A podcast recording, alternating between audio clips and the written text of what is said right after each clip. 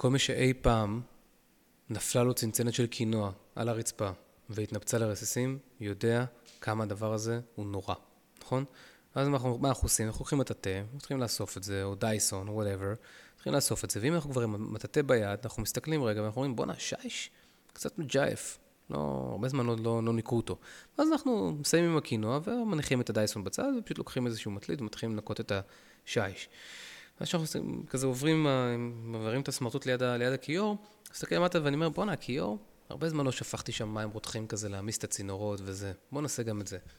אז אני שופך מים רותחים כזה, ל, ל, ואז אני כזה פותח את הקומקום, ובואנה, יש פה, יש פה אבנית, מים בישראל יש מלא אבנית, אז אני צריך לנקות, לנקות את האבנית. עכשיו, לנקות את האבנית זה שלוש, שלושה circle ים כאלה של מלח לימון, או של סודה לשתייה, או whatever, נכון? בזמן שאני פותח את הארון כדי להביא את הסודה לשתייה, אני קולט שיש יש כזה דביקי כזה של הצנצנת של הסילן על המדף, ואז אני אומר כזה, אי אפשר, לא יכול להשאיר את זה כאן, כאילו יבואו נמלים וזה, אז אני כבר מתחיל להוציא את התכולה של הארון החוצה, כדי לנקות את הזה של הסילן, את הלמטה, כן? אז אני כבר עושה את זה ככה עם, אה, עם סמרטוט רטוב, זה לא עובד, כיוון שסילן זה דבר דביק, אז אני לוקח כזה סקוץ' עם סבון, אז אני מתחיל טיפה לטפטף למטה, למדף שלמטה, בדיוק על הצנצנות האחרות של כל העדשים, והשעועית השחורה והשעועית מש. ואז אני קולט שכאילו, זה, זה, זה נהיה כזה קצת מים וסבון כזה, אני צריך להתחיל להוציא את הכל החוצה, ואומר, בואנה, המדף שמלמטה גם כן מלא באבק, אני חייב לנקות גם אותו. ואז כאילו ממצב שבסך הכל כל הייתי צריך להרים פה כמה, כמה גרגרי קינוע על הרצפה, הדבר הזה הפך להיות שבמשך שלוש וחצי שעות אני מסדר ומנקה את הבית בדברים ש... והייתי אמור בעצם לעשות דברים אחרים לגמרי, אולי אפילו יותר חשובים. ברוכים הבאים לעולם הנסתר והנפלא והגלוי והיפה של המוח שלנו דורש שנקבץ משימות ביחד. ברוכים הבאים, ברוכות הבאות לפודקאסט של הזה. אני יאיר יונה וזה הנושא שלנו הפעם, קיבוץ משימות או לחלופין, למה חשוב לעשות דברים שיש להם את אותו אופי, את אותו סוג של פעולה, דברים שנראים אותו דבר, משימות שנראות אותו דבר, למה כדאי לעשות אותם ביחד על מנת לעזור לעצמנו למוח. בואו נתחיל. אז מה אנחנו מדברים כשאנחנו מדברים על קיבוץ של משימות? תראו, קיבוץ של משימות נשמע כמו איזושהי פעולה טכנית שאמורה לעזור לנו בצד האפקטיבי, אבל אני מתייחס לזה כמו תמיד בדברים שאני עושה, איך אני יכול לראות בדבר הזה יותר well-being של המוח, זאת אומרת, איך אני יכול לעזור למוח שלי להיות בביצועים יותר טובים, על מנת שאני אוכל להכניס לעצמי חיים, לקיים לעצמי חיים עם, עם פחות סטרס או עם מחשבה יותר בהירה. אני מאמין שמחשבה בהירה זה בעצם מפתח להכל. כלומר, אם אנחנו מאמינים שיש בנו את הפוטנציאל לעשות כל מה שאנחנו נרצה בעולם, הדבר שעוצר אותנו בדרך כלל, מעבר לפחדים, שגם בזה יש עניין של בהירות, זה פשוט מחשבה בהירה. בהירות מוחלטת או מקסימלית, או ככל האפשר לצורך העניין, ב... איך אנחנו פותרים בעיות, איך אנחנו אה, ניגשים לסידור של מידע, איך אנחנו מתעסקים עם הפחדים שלנו בכלל להבין, להבין את שורשם, הכל בסופו של דבר מתקשר לבהירות. ראוי שנעשה גם פרק אה, אה, רק על בהירות, אבל ההקשר של קיבוץ של משימות, המטרה של זה בסופו של דבר זה, לה, כשאנחנו עושים כמה משימות שיש להן את אותו אופי ביחד, אנחנו עוזרים למוח במספר אופנים. הדבר הראשון הוא הקלה על הזיכרון אה, הקלה, סליחה, על העומס הקוגנטיבי, שמגיע מתוך זה שהזיכרון העבודה שלנו, מה שקרוי ה-working memory שלנו, יש לו יכולת אחסנה מאוד מאוד אה, קטנה. למה הכוונה? תחשבו עכשיו שאני בא ואני אומר לכם, תקשיבו, אה, תרשמו רגע את המספר טלפון, המספר טלפון שלי זה 054-387-5555, כן? טוב, זה מספר קל, אבל המספר שלי זה 054-358-925-47,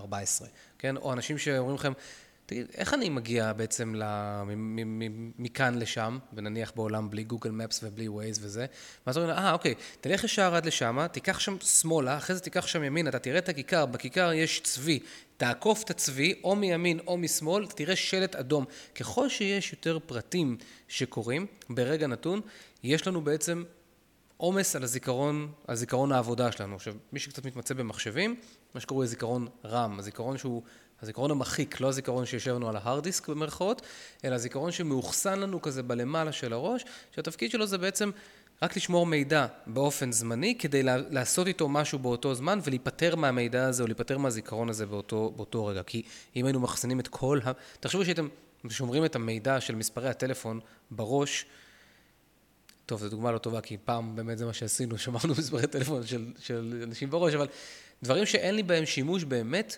כמו למשל איזה משימות אני צריך לעשות היום, אין לי באמת שימוש לאורך זמן במידע הזה. אז זיכרון, זיכרון, ה, זיכרון העבודה שלנו, ה-working memory, הוא זיכרון שהוא מחיק. אממה, הוא יכול להכיל, על פי המחקרים, בין שניים אה, לשבעה פריטים בלבד. אה, זה יכול להיות שתי הקבצות של מספרי טלפון, או שלוש, נגיד, מספר שלי זה 054, 757, 14, 26, למשל, כן? אני מקווה שלא נתתי מספר של מישהו פה, אבל יצרתי פה בעצם הקבצות. אז נכון שבתוך ההקבצות יש כמה, כמה ספרות, אבל המוח שלי זוכר את ההקבצות. 054, עכשיו אני לא זוכר את זה כי אני ב... עושה משהו אחר עם המוח שלי שזה לדבר, אבל ברגע שאני אומר 054, 727, 14, 58, יש פה שלושה פריטים, נכון? חילקתי את הדבר הזה לשלושה, לשלושה חלקים. יש בעצם בזיכרון, בזיכרון העבודה שלנו שתי, אה, שני רכיבים, הזיכרון השמיעתי והחזותי שלנו, ה-phonological loop ואיך זה נקרא? ה-visual optic sketchpad, אם אני זוכר נכון. אם אני זוכר נכון, אל תפסו אותי במילה. לא, לא נורא קריטי גם. ובעצם התפקיד של אחד זה לזכור הברות או אה, סאונדים, כן? 054, 555, 22, 14, זה זיכרון אחד. והזיכרון החזותי שלנו בעצם הוא זה שאומר כזה, אני נוסע ישר, אני זוכר שאני מדמיין שאני רואה את הצבי האדום ואז יש שם שלט של אה, לגלידריה של מושיקו וכל הדבר הזה, כן? וככה אני זוכר בעצם את, ה, את המרחב שלי. אמ, יש עוד חושים שקשורים, יש עוד דברים שקשורים להתמצאות במרחב, זה כמובן לא הכל, אבל אני רק אומר את זה בשביל שיהיה לנו פשוט. אז, אז כל, גם הזיכרון החזותי והשמיעתי האלה, שניהם נמצאים בעצם כחלק מה-working memory שלנו. ברגע שאני מעמיס על ה-working memory שלי הרבה פרטים ואני, ואני מזיז אותו מצד לצד ואני מכניס לו פשוט המון המון המון מידע, הוא באופן טבעי ירוקן מידע אחר מתוכו ואז המידע שהוא מרוקן מתוכו יהפוך להיות לא שמיש בעיניי. בגלל זה אנחנו כזה, רגע תגיד uh, עוד פעם, מה אמרת לי? 054, 3, אנחנו מנסים לשחזר את זה, נכון? זה ה-working memory. עומס קוגנטיבי על ה-working memory יוצר לנו סיטואציה של תחושה של תשישות, של עייפות. לא רק שזה יוצר לנו תחושה של עייפות, זה גם מצריך מאיתנו יותר אנרגיה, וכשאני אומר מצריך מאיתנו יותר אנרגיה, זה אומר שהמוח משתמש באנרגיות הקיימות של הגוף, מקורות האנרגיה של הגוף, וכשאין מספיק מקורות אנרגיה של הגוף, הוא ילך לאן? נכון, לבורקסים ולסוכרים, לקמח, פחמימות, סליחה, לסוכר, לכל הדברים שהם אנרגיה מהירה, זמינה, ובגלל זה אנחנו נמצא שכשאנחנו עושים דברים שבהם אנחנו חושבים, לאו דווקא חשיבת עומק, אלא יותר כזאת מהירה, עוברים בין דבר לדבר, אנחנו נמצא את עצמנו כנראה גם משתמשים במשאבי מזון יותר, אוקיי? ומשאבי מזון מהסוג הדפוק, לא, לא הדברים הטובים, כן? אף אחד כשהוא נמצא בכזה ביום עבודה הקטיק, לא אומר, hmm, אני יכול לנשנש לעצמי צלחת גזר. לא, אנחנו אוכלים בייגלה ובמבה וסוכרים ושוקולד ו... you know, כאלה דברים. אז צריך לקחת בחשבון שהזיכרון הזה הוא כמו מחסן שהקפסיטי שלו הוא מאוד מאוד קטן. אם אני מנסה להכניס אליו דברים, אני בהכרח חייב להוציא משם דברים אחרים, כמובן שהכל נעשה בצורה לא, מודע, לא מודעת, וזה גם משפיע על הזיכרון לטווח הרחוק ועל היכולת שלנו להתפקס. זאת אומרת, ופה מגיע חלק של הקיבוץ של המשימות. ברגע שאני עושה משימות שיש להן את אותו אופי, אני לא צריך להשתמש בזיכרון הזה כל כך הרבה. דמיינו שוב את אותו עניין של מספר טלפון, 054, 777, 1526. אני לא זוכר את הספרות, אני זוכר את המקבצים.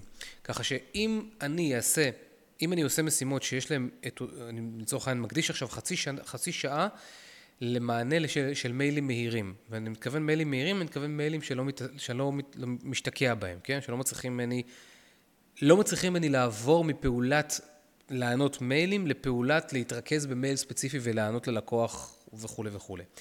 כשאני עובד בצורה כזו, אני הלכה למעשה נמצא כאילו תחת משימה אחת. אני עכשיו עונה חצי שעה למיילים מהירים. זה שבתוך המיילים המהירים האלה יש אולי 200 פריטים, זה לא משנה, אבל אני כזה נמצא באיזשהו שוונג כזה שאני כזה טק טק טק טק טק, אני לא מעמיס על ה-working memory שלי יותר מדי, למעט זה שאני, כי המוח שלי פשוט אומר, אני, אני עושה משימה אחת שהיא לענות לכל המיילים האלה, להוציא את כל החשבוניות האלה, לשלם לספקים, כל ההקבצות האלה, זה בדיוק העניין של המספר טלפון שחילקנו לחלקים. נקודה נוספת, למה חשוב, למה חשוב לעבוד על משימות, על משימות שלכם באיזושהי הקבצה? אמ, או לקבץ יותר נכון משימות שיש להן את אותן תכונות, את אותו אופי, מצריכות את אותה התנהגות וכולי, זאת אומרת, ולהפוך את זה למשהו שהוא רפטיטיבי כזה, זה מה שמכונה context switching, או שינוי בקונטקסט, בסביבה שבה, של בסביבת המשימה לצורך העניין, במשמעות של המשימה יותר נכון. כל דבר שהמוח שלנו עושה הוא תחת קונטקסט מסוים. המוח מבין למה הדבר הזה שייך, מה הוא משרת. הוא מבין את כל, הדבר, את כל הנקודות הסביבתיות שמשרתות בעצם את הביצוע של המשימה, או בכלל את, את המניפולציה שאנחנו עושים על כל סוג של מידע.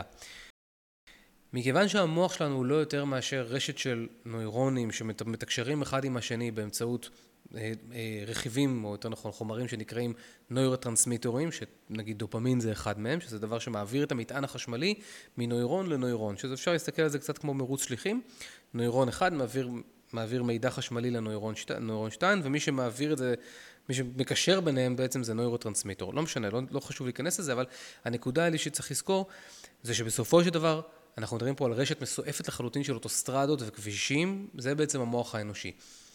כשאנחנו עושים איזושהי פעולה בצורה חזרתית, כלומר אני עונה עכשיו על כל המיילים הקצרים, שאני יכול להעיף אותם בבת אחת, מה שבעצם אני עושה זה שאני במרכאות מדליק מעגלים נוירולוגיים ספציפיים שתפקידם לעזור לי לקיים את המשימה שבאתי לקיים, שזה לענות על כל המיילים הקצרים. סבבה? יענו, דמיינו שאנחנו צריכים לנסוע מתל אביב לראשון. ויש לנו את הדרך שבה אנחנו נוסעים מתל אביב לראשון, וככל שאנחנו נוסעים מתל אביב ראשון פעם אחר פעם אחר פעם, אנחנו לא צריכים לחשוב יותר מדי על הכביש שאנחנו נוסעים בו, נכון? אנחנו רק צריכים פחות או יותר להיות מודעים לסכנות שיקפצו, ולכן בזמן הזה שאנחנו נוסעים את הנסיעה הזאת פעם יודע כמה, אנחנו יכולים להקשיב לפודקאסטים, כמו הפודקאסט של על זה למשל, או לשמוע מוזיקה, אה, או כל דבר שזה לא יהיה. לא צריכים להשקיע עוד אנרגיה בזה. יחד עם זאת, אם זה עכשיו הפעם הראשונה שאני נוסע תל אביב ראשון, אני צריך רגע להיות הרבה יותר minded על זה. אני צריך, בוא נגיד שגם בעולם של גוגל מפס ווייז, אני צריך להיות הרבה יותר minded במובן של לדעת, להקפיד, לעקוב אחרי המפה וכל מה שזה, במקרה שלי חד משמעית, כי אחרת אני באמת יכול להגיע לאילת, אני עם החוש כיוון, כמו שאומרים, לא סתם לא יצאתי לקצונה. קיצור, אמ, אז הנקודה של, אה, של החלפת קונטקסטים היא שברגע שהמוח צריך לעשות את אותה פעולה, זה הקונטקסט שלו. זאת אומרת, הוא אומר, אוקיי, אני עכשיו עושה תל אביב ראשון, וככל שאני עושה יותר תל אביב ראשון בחצי שעה הקרובה, יש לי פחות מאמץ להשקיע בתל אביב ראשון, כן? כי האוטוסטרדה היא אותה אוטוסטרדה, הדרכים הנוירולוגיות הן אותן דרכים נוירולוגיות. כשאנחנו עושים אבל כל פעם מייל, או נגיד שני מיילים, ואז אני עונה לוואטסאפ, ואז אני פתאום יש לי שיחת טלפון, ואז אני מנסה לכתוב איזה מייל של רבע שעה של מענה של איזה דוח, לא יודע מה, אני בעצם לא נותן לאוטו שלי להתקדם באוטוסטרדה, אני פשוט עושה קצת באוטוסטרדה הזאת, וקצת באוטוסטרדה הזאת, וקצת באוטוסטרדה הזאת, וכדי לעבור בין אוטוסטרדה לאוטוסטרדה, יש לי זמן שצריך לעבור, נכון? אני צריך לרדת מהמחלף וללכת לאוטוסטרדה אחרת, נכון? תשארו איתי רגע עם הדימוי של האוטוסטרדות. אז מה שקורה בסיטואציה כזו זה שהמוח מאבד מהאנרגיה שלו, אותו, אותו דבר שגם הזכרתי מקודם, זה, בסופו של דבר זה תמיד חוזר אותו דבר, זה שימוש בריסורסס של המוח, והריסורסס הם לחלוטין כימיים. אני צריך גלוקוז, אני צריך חמצן, אני צריך חומרים שיש לי בדם, כדי שאני אוכל לעשות את ה... להגיע לפונקציונליות הטובה של המוח שלי, כן? המוח שלי צריך, צריך אנרגיה כמו כל דבר אחר. אז כשאנחנו עושים דברים כשאנחנו בעצם עוברים בין קונטקסטים, אנחנו בהכרח מצריכים יותר אנרגיה, וזה גורם מהסיבה שאנחנו משתמשים במערכת כבישים או מערכת, נוירולוג, מערכת נוירולוגית אחרת, מה שקוראים נוירו-pathways, כן, ממש ככה, נוירו-pathways. אנחנו צריכים להשתמש במערכות אחרות כדי שנוכל לעבור בין דבר לדבר. סיבה שלישית שהיא משלימה, זה כל מה שקשור לכניסה של מצב flow. מצב flow, אני מניח שכולכם שמעתם על זה, בין אם אתם יודעים לעומק מה זה ומה זה לא.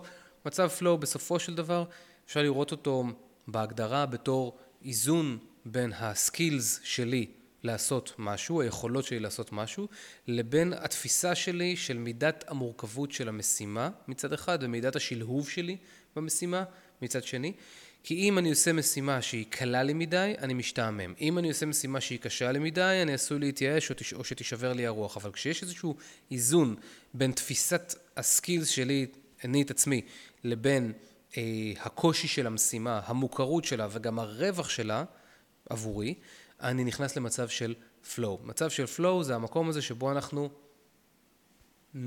פשוט נעלמים בחלל. אם, בטוח כולכם חוויתם את זה באיזשהו שלב. שאנחנו עושים משהו שאנחנו כל כך מושקעים בתוכו, שאנחנו פשוט נמצאים בזמן אחר. זה יכול להיות כל סוג של פעולה, אל תחשבו רק על פעולות שקשורות לעבודה, זה יכול להיות כל סוג של פעולה, זה יכול להיות, זה יכול, באמת, זה יכול להיות מסקס עד דברים שהם טכניים של העבודה, עד בוודאי אומנות חד משמעית, כן? המקום הזה שבו, נגיד אני כשהייתי כותב, כשהייתי כותב מוזיקה בעברי, היום אני כבר לא כותב מוזיקה, אבל הרבה מאוד שנים שכתבתי מוזיקה, אמ, הייתי פשוט, אה, זה תמיד היה מתחיל כזה בתור איזשהו ג'עג'וע כזה, לא יודע מה לכתוב כזה, ואז בשלב מסוים זה פתאום, אתה, פתאום הייתי מרגיש את האדמה נשמטת לי מתחת לרגליים ולא יודע איפה אני נמצא, והייתי יכול להיכנס למעין שעתיים של בוף, זה, כן? שבו אני כאילו, אין את יאיר הרגיל, יש איזשהו מצב שהוא flow, שהוא שט. אם אנחנו עושים משימה, אם אנחנו עוברים בין משימות כל הזמן, אנחנו לא מאפשרים לעצמנו להיכנס למובמנט הזה, לפלואו הזה, שקצת קשה להגדיר אותו, קצת קשה להסביר אותו, אבל אני חושב שאתם מבינים מה אני מתכוון, כי סביר שחוויתם את זה. אנחנו לא מצליחים, לא, לא נותנים לעצמנו את האופציה להיכנס למה שקוראים ל-rhythm, לקצב, כי בסופו של דבר הכל זה קצב. כשאנחנו אבל עושים, מוציאים את כל החשבוניות ביחד, או עונים על כל המיילים הקצרים ביחד, או לא משנה מה הדוגמה שאנחנו נשתמש, אנחנו מאפשרים לעצמנו להיכנס לסוג מסוים של ריתמיקה. אם יש דבר שהאדם הוא, זה קודם כל קצב. בבסיס של הכל, אנחנו קודם כל, לפני הכל, רגשות וכולי וכולי, אבל אנחנו בנויים מקצב. למה? כי אנחנו חיים על מחזוריות. מחזוריות זה קצב. 1, 2, 3, 4, 1, 2, זה יכול להיות 1, 2, 3, 4, 1, 2, 3, 4, 1, 2, 3, 4, זה יכול להיות 1, 2, 3, 4, זה מה שקוראים BPM, beats per minute, כמה פעמים יש לי אה, אה, אה, בדקה. מה המשמעות של זה? כמו שאנחנו מוצאים את עצמנו בתוך ריקוד, או מוצאים, או כשאם אני עכשיו אעשה, כולנו נדע להגיד מיד אחרי זה, נכון? ריתמיקה היא חלק בסיסי בנו, מכיוון שאנחנו יצירי המחזוריות של הטבע, ובתוכנו יש דבר שנקרא לב. הלב הזה, מעבר לכל תפקידיו, הוא גם שומר לנו על פולס, קצב, דופק, נכון? כל הזמן שומר לנו על דופק. יש לנו דופק גבוה, ויש לנו דופק נמוך. תשימו לב שבדופק נמוך, ככל שהדופק יהיה נמוך, כך יותר קשה לנחש אם אנחנו לא משתמשים בעזרים חיצוניים, כמו מטרונום. זה לגמרי שיעור על מוזיקה שנכנסתי לפה, אבל לא משנה, bear with me רגע. ככל שאנחנו שומרים על קצב, ככל שאנחנו על קצב איטי יותר, קשה לדייק בדיוק מתי תהיה הפעמה הבאה. זאת אומרת, אם אני לוקח מקצב כמו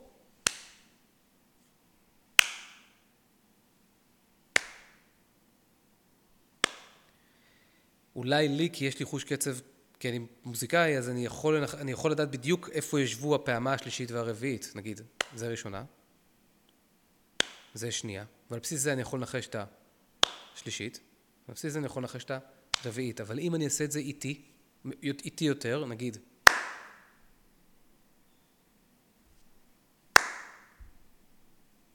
אני לא יודע עכשיו איפה, השל... איפה מתי, מתי למחוא את הכף השלישית ומתי למחוא את הכף הרביעית. זאת אומרת שככל שאנחנו מותחים בעצם את הדגשים שלנו בתוך הקצב, זה, זה, אנחנו מדברים עדיין על משימות, אני יודע שאני מדבר על מוזיקה ואנחנו מדברים על משימות לגמרי, ככל שאנחנו שומרים על הדגשים, ככל שאנחנו מאיטים ומורחים ופותחים את הדגשים של הקצב, אנחנו אה, נפספס בעצם את ההבנה איך ממשיך הקצב. או אם אני חוזר רגע לעולם של המשימות, כי הפלגתי רגע בשיח, בשיח המוזיקלי, אבל זה חשוב בעיניי, שאם אני שומר, מצד, בצורה הפוכה, אם אני שומר על, על, על ריתמיקה מהירה, נורא קל לי להבין את הסדרתיות, נורא קל לי להיכנס ל-rhythm, נורא, נורא קל לי להיכנס לקצב, כנ"ל במהר יותר. נכון? מה המשמעות של זה? שככל שאני מסוגל לאפשר לעצמי להיכנס לקצב, על ידי זה שהקצב לא מופר, לא נמתח, לא מאט, אלא אנחנו נכנסים למומנטום, אנחנו נכנסים לטה-טה-טה-טה-טה-טה-טה-טה, הדבר הזה, כן? אנחנו הופכים להיות חלק מהטה-טה-טה-טה-טה-טה-טה-טה, כן? ברגע שאנחנו טה-טה-טה-טה-טה-טה-טה-טה, אנחנו נמצאים יותר, התאפשרנו להיכנס לפלואו, וכשאנחנו נמצאים בפלואו אני כבר לא צריך לחשוב. In a way. זאת אומרת, ה-working memory שלי, בכלל העומס על הקוגניציה שלי, על המוח שלי, יורד מכיוון שאני צף, אני צף על המשימה, אני בכלל לא חושב על זה, כן? אני, זה כמו, לא, לא יודע, אף פעם לא גלשתי, אבל אני מניח שאנשים שגולשים, הם לא חושבים, כן? כדורגלנים לא חושבים, כאילו זה חלק מה... זה חלק מה, מהמופע ה, הפיזי שלהם. אם אני עכשיו עליתי על במה והייתי צריך עכשיו לאלתר, אני לא חושב על זה יותר, אני מבין, ברגע שאני נכנס לפלואו, אין יאיר יותר כפי שאני מכיר את יאיר, אלא הוא נכנס לתוך איזשהו state of mind אחר, מצב של flow, וזה יכול לקרות אך ורק מתוך זה, במקרה של מוזיקה, או במקרה של משחק כדורגל, או במקרה של uh, גלישה, זה אימון בחזרתיות. אבל גם כשאנחנו עושים משימות, עונים על אותם, אותו, אותם המיילים הקצרים, או עושים את כל שיחות הטלפון שלנו, או עושים את כל הפולו-אפים ביחד, אנחנו נכנסים שוב לאותו מצב של רית'ם, רית'ם מאפשר לי כניסה למצב של flow, ו-flow זה המקום הכי כיפי בעולם, חוץ מקופנגן כמובן. הסיבה הרביעית למה כדאי לכם אה, לקבץ את המשימות שלכם ביחד, זה כי זה מפחית לכם בדחיינות. אני משתמש בקורסים שלי, אני מדבר על דבר שאני קורא לו נבלות, משימות שנקראות נבלות. משימות נבלות הן משימות שאנחנו, אה, הן לא מתקיימות בצורה סדרתית, כן? אבל הן לא מתקיימות בצורה סדרתית לא בגלל שיש איתן איזושהי בעיה, או שלי יש איזושהי בעיה איתן, אלא הן פשוט כזה מאפנות. משימות מאפנות שאתה כזה, באמת, אני מעדיף לנסר לעצמי את האף, רק אין לי כוח עכשיו לעשות אותן, כן? אם כל פעם אני צריך לעשות משימה אחת כזו, זה אשכרה מרגיש כמו לנסר לעצמי את האף. אבל אם הייתי אומר לכם, רגע, קבצו לעצמכם פעם בשבוע משימת, אה, שעה למשימות נבלות כזה, כן? אז אני אומר, אוקיי, יש לי שעה שאליה אני נכנס גם מתוך כוונה לפנות את הנבלות מהכביש, כן? זאת אומרת, יש פה כוונה שמאחורי הדבר, ויש פה, פה מוכנות רגשית, הייתי אומר, ויש פה איזושהי הזדמנות כאילו להתבאס פעם אחת ולתפור שעה שתהיה מוזנת מההצלחות של המשימות האלה. זאת אומרת, אני עושה אותם, אז אני ארגיש תחושה של סיפוק עצמי וכולי וכולי. אז ברגע שאני פותח את המשבצת של הנבלות, אני מאפשר לעצמי הורדה של הדחיינות. לקחתי אחריות בעצם על כל המשימות המבאסות, קיבצתי אותם ביחד, אמרתי פעם אחת אני יושב בשבוע, סליחה, פעם אחת אני יושב בשבוע ועושה את זה, כן? זה יכול מאוד מאוד מאוד מאוד מאוד להוריד את כמויות הדחיינות. כי שוב, אנחנו עושים, לא כל פעם מתחילים משהו מבאס, אלא מתחילים משהו מבאס פעם אחת, ופשוט עושים מלא, אולי מלא משימות בתוך הזה, אבל זה יושב תחת עננת הבאסה פעם אחת. בדיוק כמו ש-054-888-2647 יושב תחת שלושה מקבצים ולא תחת אה, שמונה או תשע ספרות כמה שיש שם, כמה שיש שם, לא, לא ספרתי. דבר אחרון, זה באמת הפחתה במה שקרוי ה-decision fatigue, העייפות שנוצרת מתוצאה מקבלת החלטות. אם אנחנו אומרים, תקשיבו, עכשיו שעה אתם עושים משימות נבלות, או חצי שעה אני עונה על מיילים קצרים, או עשר דקות אני עושה פולו-אפים, זה מקבץ לי בעצם, מונע ממני, מצמצם לי יותר נכון, איך נגיד את זה? הוא מצמצם את כמות המשימות ברשימה שלי להרבה יותר קטנה, כי אני לוקח חמישה פולו-אפים מתוך הרשימת משימות, ואני אומר, אוקיי, כל זה מוקצה לזה זמן ביחד, עשר דקות הקרובות, ואז אני עושה את זה. אני בעצם מאפשר לעצמי פחות עומס בעיניים, פחות עומס על לוח משימות שלי, פחות עומס על דברים שאני צריך לעשות, על ידי, שאני, שאני מוציא החוצה חלק נכבד מהדברים שצריך לעשות, ואני מקבץ אותם ביחד. זה מאפשר לי בעצם להוריד את העומס הקוגנטיבי והעייפות, שוב, את אותה עייפות שדיברתי עליה מקודם, אבל הפעם האספקט של קבלת החלטות. אני יכול לעזור לעצמי בקבלת החלטות כי יש לי פחות אלמנטים שבתוכם אני צריך לבחור מה לעשות הלאה. כי עשרה מהם זה מיילים וחמישה מהם זה וואטסאפים ויש לי ארבע שיחות טלפון. כל הדברים האלה שאמרתי אותם בתור, סתם אני אומר, שעה וחצי של נקרא לזה תקשורת עם העולם, ועשיתי גם מיילים, גם וואטסאפים, גם טלפונים, ובזה סיימתי, ולכן הורדתי ערימות של משימות, אבל הסתכלתי עליהם ביחד, אוקיי? אז איך עושים בעצם קיבוץ של משימות? תראו, כדי להתחיל, להתחיל את העניין של קיבוץ של משימות, יש את הדרך, ה, אה, נקרא לה המתודית הנכונה, ויש את החאווה, כן? את החאווה אני לא כל כך יודע איך להסביר, אבל אפשר לגזור את החאווה מתוך הדרך המתודית, כי כל אחד יגזור לעצמו את החאווה של עצמו, בסדר? הדרך המתודית תהיה לרשום את כל המשימות שאנחנו צריכים לעשות. אם הייתם אי פעם בקורסים שלי, אז אתם יודעים שכאילו אין תחליף לזה, כי זה בעצם הדרך היחידה שבה אני יכול להבין את כל סדר הגודל של מה שיש לי לעשות ולקבל החלטות נבונות, בריאות, יחסית, רציונליות, יחסית פחות, או עדיין, עדיין יותר מאשר לא בכלל. אה, וזה דורש שאני ארשום את זה. איפה אני רושם את זה? אני רושם את זה באפליקציה שקוראים לה Todoist, וזה לא כזה משנה, אתם יכולים לרשום את זה בכל אפליקציה אחרת, אבל אנחנו צריכים בעצם לסמן ולתייג את המשימות האלה בתור משימות שעונות על, שאפשר לקבץ אותן. כלומר, למה אני מתכוון? נגיד ב-Todoist יש דבר שנקרא לייבלים, uh, שזה קצת כמו השטגים של אינסטגרם, כן? אז יכול להיות שאם יש לי משימה שהיא להתקשר להוא ולהתקשר לזה ולהתקשר לזה, אני אשים עליהם uh, תיוג, לייבל, שנקרא calls, טלפונים, כן?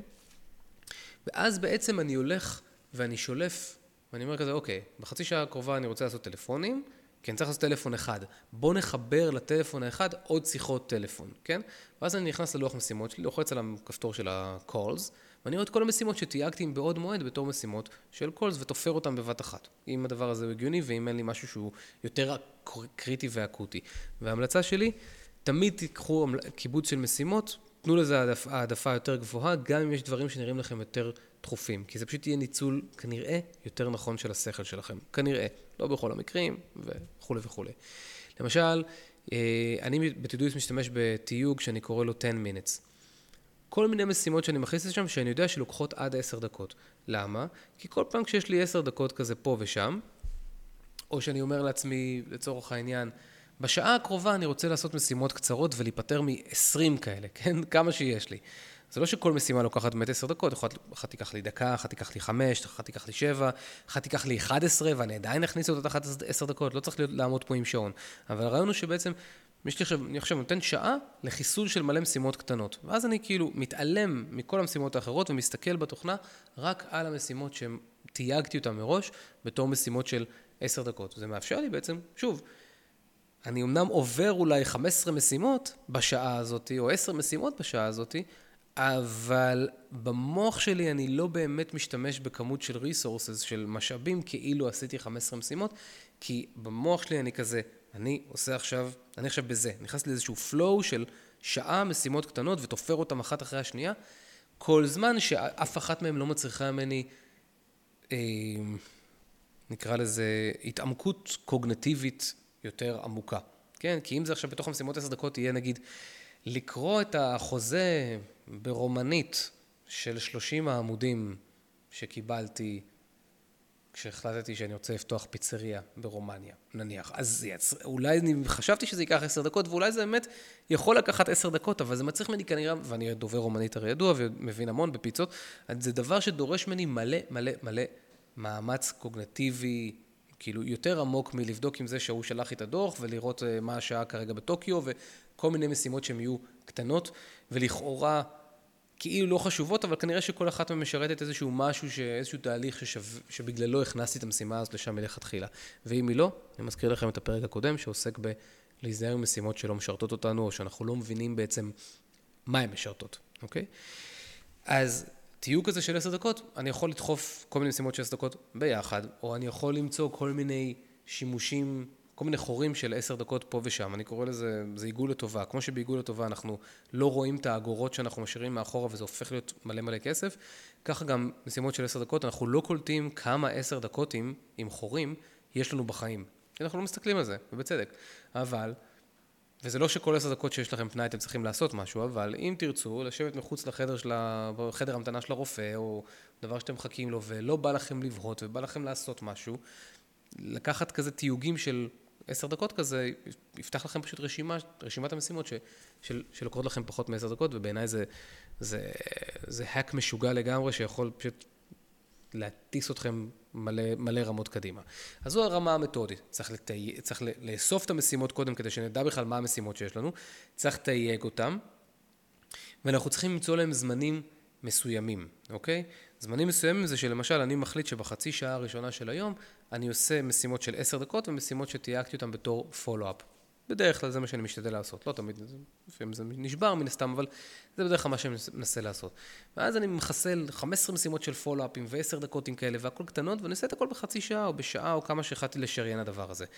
אבל אני לא מרגיש, שוב, כאילו זה 15 משימות. זה מרגיש לי כמו שעה שישבתי על להטיס משימות. זאת אומרת, הסיפור שמלמעלה הוא אני מעיף עכשיו מלא משימות, אפילו שיש בתוכם מלא וריאנטים, זאת אומרת מלא משימות קטנות, זה לא משנה. בעיניי זו אותה משימה אחת. אז אנחנו צריכים לשריין זמן לזה. אתם יכולים לשריין זמן למשימות שהן כולן, אה, דבר שאני עושה הרבה פעמים, משימות brainless, מה שקוראים, משימות שאני לא צריך את המוח שלי בשבילם. אני לא צריך את המוח שלי אה, חושב. אני יכול להיות דביל בשביל לעשות אותם. אחלה, אז אני אוסף את כל המשימות הדביליות האלה בתשע בערב, כן? ואני אומר לעצמי, וואלה, עכשיו אני יושב שעה וחצי על משימות של דבילים. אז העניין של התיוק של המשימות מאוד מאוד מאוד קריטי, והעניין של שמירת הזמן עבור משימות דביל גם כן מאוד קריטי. החיבור ביניהם בעצם יוצר לי את העל חלל שאני רוצה להיות. ובעיקר להעיף משימות שאני לא רוצה להתעסק איתן במהלך היום, כי חבל לי על השכל הנחמד שלי לשרוף אותו על שטויות. אוקיי? הדרך האחרת לעשות את זה, שהיא הדרך של החאווה, זה כאילו קצת לעשות את זה בעין. יענו לעבור נגיד לרשימת משימות, ואז להגיד כזה, אוקיי, בואו נבחר עכשיו את זה ואת זה ואת זה ואת זה, ואני קורא לזה בעצם הקבצה. מן, כזה, אוקיי, בסדר, יכול להיות שאני צודק, ויכול להיות שאני אגלה שאני מבזבז הרבה יותר זמן על לבחור איזה משימות ייכנסו להקבצה הזאת, כי זה לא יושב על איזשהו כלל ספציפי, כמו משימות שלא צריך מוח, משימות של עשר דקות. זאת אומרת, יותר חשוב שיהיה לכם, שתחליטו נגיד, אוקיי, אני עכשיו נכנס לסשן של uh, לעשות דברים בקנווה או בפוטושופ או באיזושהי תוכנת עריכת, עריכת, אה, עריכה גרפית כזאת. ואז נבחר את המשימות שלי מתוך, מתוך הרשימה, אבל היא לא מתויגת ולא שמרתי זמן ביומן עבור, עבור זה שהוא יהיה מוקדש לזה. ואז אנחנו נחשפים לזה שאולי זה יקרה ואולי זה לא יקרה וזה יקרה טוב וזה יקרה פחות טוב. אה, לא משהו. כמו שאתם רואים, עשיתי את כל הפרצופים, אם אתם רואים את זה בווידאו, עשיתי את כל הפרצופים כדי להראות לכם כמה זה לא כדאי. שווה להתעסק, אה, לדבוק בגישה שלי, שעשויה להיות, בהתח... להיראות בהתחלה טיפ-טיפה מטרחנת, אבל היא לא. זה כאילו, זה דברים שנפתרים די, אה, די מהר ובקלות. דוגמה נוספת שאתם יכולים לעשות, זה כשאתם בג'ימל שלכם. נגיד, אתם פותחים את הג'ימל שלכם ויש לכם 100 מיילים חדשים. אז אתם יכולים כדבר ראשון להגיד, בואו נקבץ את המשימות, בואו נקבץ את המיילים לפי מה שצריך לעשות בהם, כן? אז אתם יכולים להגיד לעצמכם, לפתוח איזשהו לייבל של אה, מיילים שהם אה, אה, קצרים מאוד וצריך, והכל ייקח לי שנייה וחצי, אוקיי? אז אני פותח עצמי לייבל כזה, זורק עליו את כל המיילים האלה, אוקיי? ומנקה לעצמי מהעין, ואז אני אומר, אוקיי, עכשיו מה שנשאר לי מולי בעין, זה מיילים שיש בהם גם אה, התעסקות עם לקוחות נגיד, ומיילים שיש בהם גם אה, התעסקות עם... אה, לא יודע מה, אדמיניסטרציה. אז אני אפתח, יכול לפתוח לעצמי לייבל של אדמיניסטרציה ולייבל של לקוחות. ואז אני אומר, אוקיי, עכשיו סיווגתי פה את כל מערכת המאה מיילים האלה לשלושה חלקים. אחד, מיילים קצרים מאוד שאני יכול לענות עליהם בשניות. שתיים, מיילים ש... דברים שאני צריך לעדכן לקוחות או whatever. ודבר שלישי, אדמיניסטרציה. מה עכשיו אני יכול לעשות, או מה יותר דחוף לי? אז אני יכול להגיד לעצמי, יש מלא מיילים, המיילים הקצרים האלה, אני לא חפרתי אותם לעומק, אני רק יודע שהם קצרים. בואו נתחיל מהם כדי שאני אוודא שאין שם משהו שהוא סופר סופר אקוטי. פיצוץ, יושב עכשיו שלושת רבעי שעה, חצי שעה, שעה, על המיילים הקצרים ותופר אותם אחד אחרי השני, על בסיס המומנטום שאנחנו נכנסים, על בסיס זה שאנחנו מכניסים את עצמנו למצב של flow, על בסיס זה שאנחנו לא רוצים להשתמש ב-resources יותר מדי של המוח שלנו, כי אחרי זה אנחנו מתעייפים או אוכלים מלא בורקסים.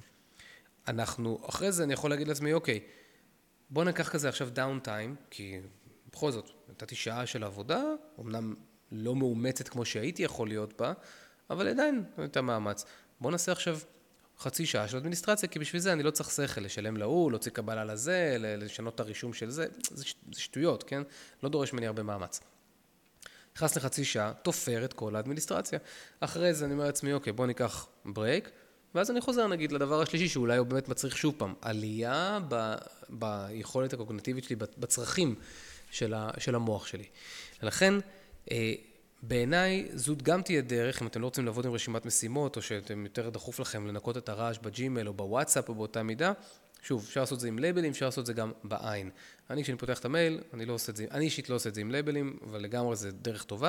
אני עושה את זה יותר עם העין, אולי כי העין שלי קצת יותר מיומנת בזה כבר, אבל either way, ככה וככה, זה יעבוד. אז לסיכומו של עניין, קיבוץ של משימות הוא לא עניין, הוא, הוא עניין שהוא מעבר לאפקטיבי. הוא עניין, שעניין, הוא עניין שעניינו לחלוטין אה, לעזור למוח שלנו להיות בפרפורמנס יותר טוב, לעזור לנו בעצם בבהירות מחשבתית, על ידי זה לקבל אה, יכולת תעדוף יותר טובה, אה, יכולת קבלת החלטות יותר טובה, כל מה שנגזר מזה. אה, יש כל מיני דרכים לעשות את זה, אבל באמת תחשבו על זה פשוט, איך אני יכול למצוא בתוך כל הדברים שאני, שיש לי לעשות, את המכנים המשותפים בין משימות, בין אם זה על ידי ביצוע פעולה מסוימת, כמו לעשות את כל הטלפונים, או לשלוח את כל החשבוניות, או לאסוף את כל ה... לשלם את כל הספקים, לא משנה מה שזה לא יהיה. או על ידי דברים שמתקשרים לסביבה מסוימת, כן? כשאני בסופר, אז לעשות את כל הדברים האלה ביחד בסופר, obviously, זה רשימת קניות, כן? אבל כשאני יוצא לרחוב, בואו נעשה את כל הדברים שקשורים לחנויות שקשורות ברחוב. זאת אומרת, ככל שאנחנו פחות עושים את המעברים בין משימות, אנחנו חוסכים לעצמנו resources אה, חשובים מאוד. אם אהבתם את הפרק הזה, אני מקווה שאהבתם אותו, אתם לגמרי מוזמנים להשאיר פה איזשהו comment ולשלוח את הפרק הזה למישהו שעושה אה, לכם, שבא לכם חפצים בעיקרו ושיהיה לכם כיף שהוא יגיד לכם, וואי, איזה פרק מעולה, תודה רבה שהלכת לי את זה, זה מאוד עזר לי. אז until then, תודה רבה שהקשבתם והקשבתם, אני הייתי ריונה, זה הפודקאסט של על זה, שלום.